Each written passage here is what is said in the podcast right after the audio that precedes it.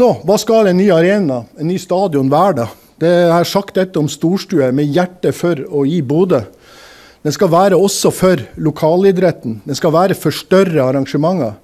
Ikke minst, Det kunne ha stått med feit skrift, for vi tror det handler om altså når det handler om byutvikling utvikling i Nord-Norge, så vil det handle om bærekraft. Det å kunne være et eksempel for andre er utrolig viktig. Vi kan ta lead, vi kan ta en sånn posisjon.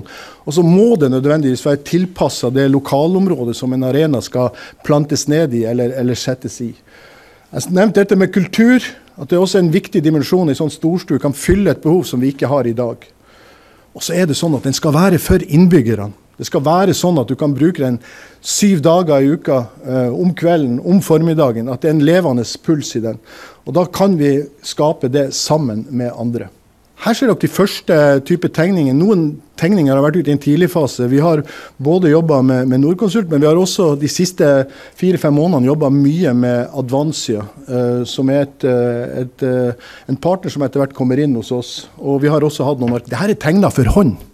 Og det er litt interessant. Altså, her ser dere jo alt fra Her tegner det grønne type tak i det. Eh, det er trekonstruksjoner i det. Vi ønsker å ivareta bærekraftselementet langs alle, alle aksene. Så skal jeg gå litt tilbake til, for Tankene om en ny arena, en ny uh, storstudie, har vært der egentlig helt siden ja, 2018. Noen vil si at vi sto og snakka om det i 2010 også. Men uh, dette er tegninger som ble laga av Sami Rintala i, i 2018. Eh, da snakka vi også om dette med utfordringer i arktisk klima. og Det å grave det ned var noe som vikingene gjorde i sin tid. Så Hvis du er i dag i et bærekraftsperspektiv, så kan du også utnytte jordvarme. og sånne ting. Så det å tenke at man kan grave ned deler av stadion, er en idé som har vært med oss hele veien. Og Så er det jo over på dette med, med bærekraft. og Litt sånn som debatten har vært, eh, vært til nå. Det handler jo også selvfølgelig om, om, områder hvor en sånn stadion kan plasseres. Men for oss er det ekstremt viktig å stå troverdig. Vi har bygd et Action A-program nå i en fire-fem år. og Det er ikke tvil om at ambisjonen i et sånt anlegg det er jo faktisk å lage verdens mest bærekraftige arena.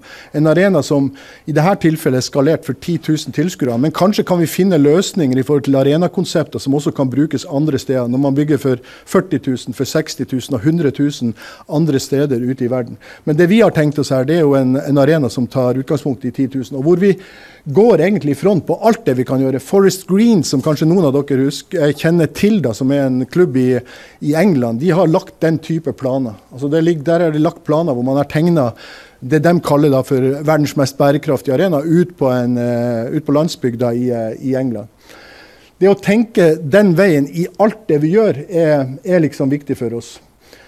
Vi snakka torvtak. Vannforbruk på en stadion som vårt er, kan være en utfordring i et bærekraftselement. Men langs alle de tingene som man gjør i et sånt konsept som det vi ønsker å utvikle nå, vil det handle nettopp om det. Å være der, utvikle ting som man kanskje ikke har gjort frem til nå i dag, men hvor man sammen med næringsliv kan gå i front i forhold til den type utvikling.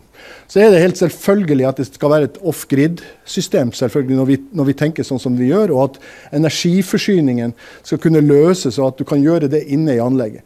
Tankene, ideene, tenkninga som ligger i en sånn modell som det her, hvor det er alt fra tenkning rundt forbrenningsanlegg, det er selvfølgelig solceller på taket, ladestasjon for biler At hele konseptet er tufta på akkurat det. Og det er jo det vi ønsker med byen vår også. Så en by som har en ambisjon om å være eh, en grønn, smart by i verdensklasse. Vi tenker at den arenaen og det vi ønsker å skape sammen med aktører rundt oss, både offentlige og private, vil handle om at vi lager et signalbygg som peker fremover med fremtidige bærekraftige løsninger langs alle aksene.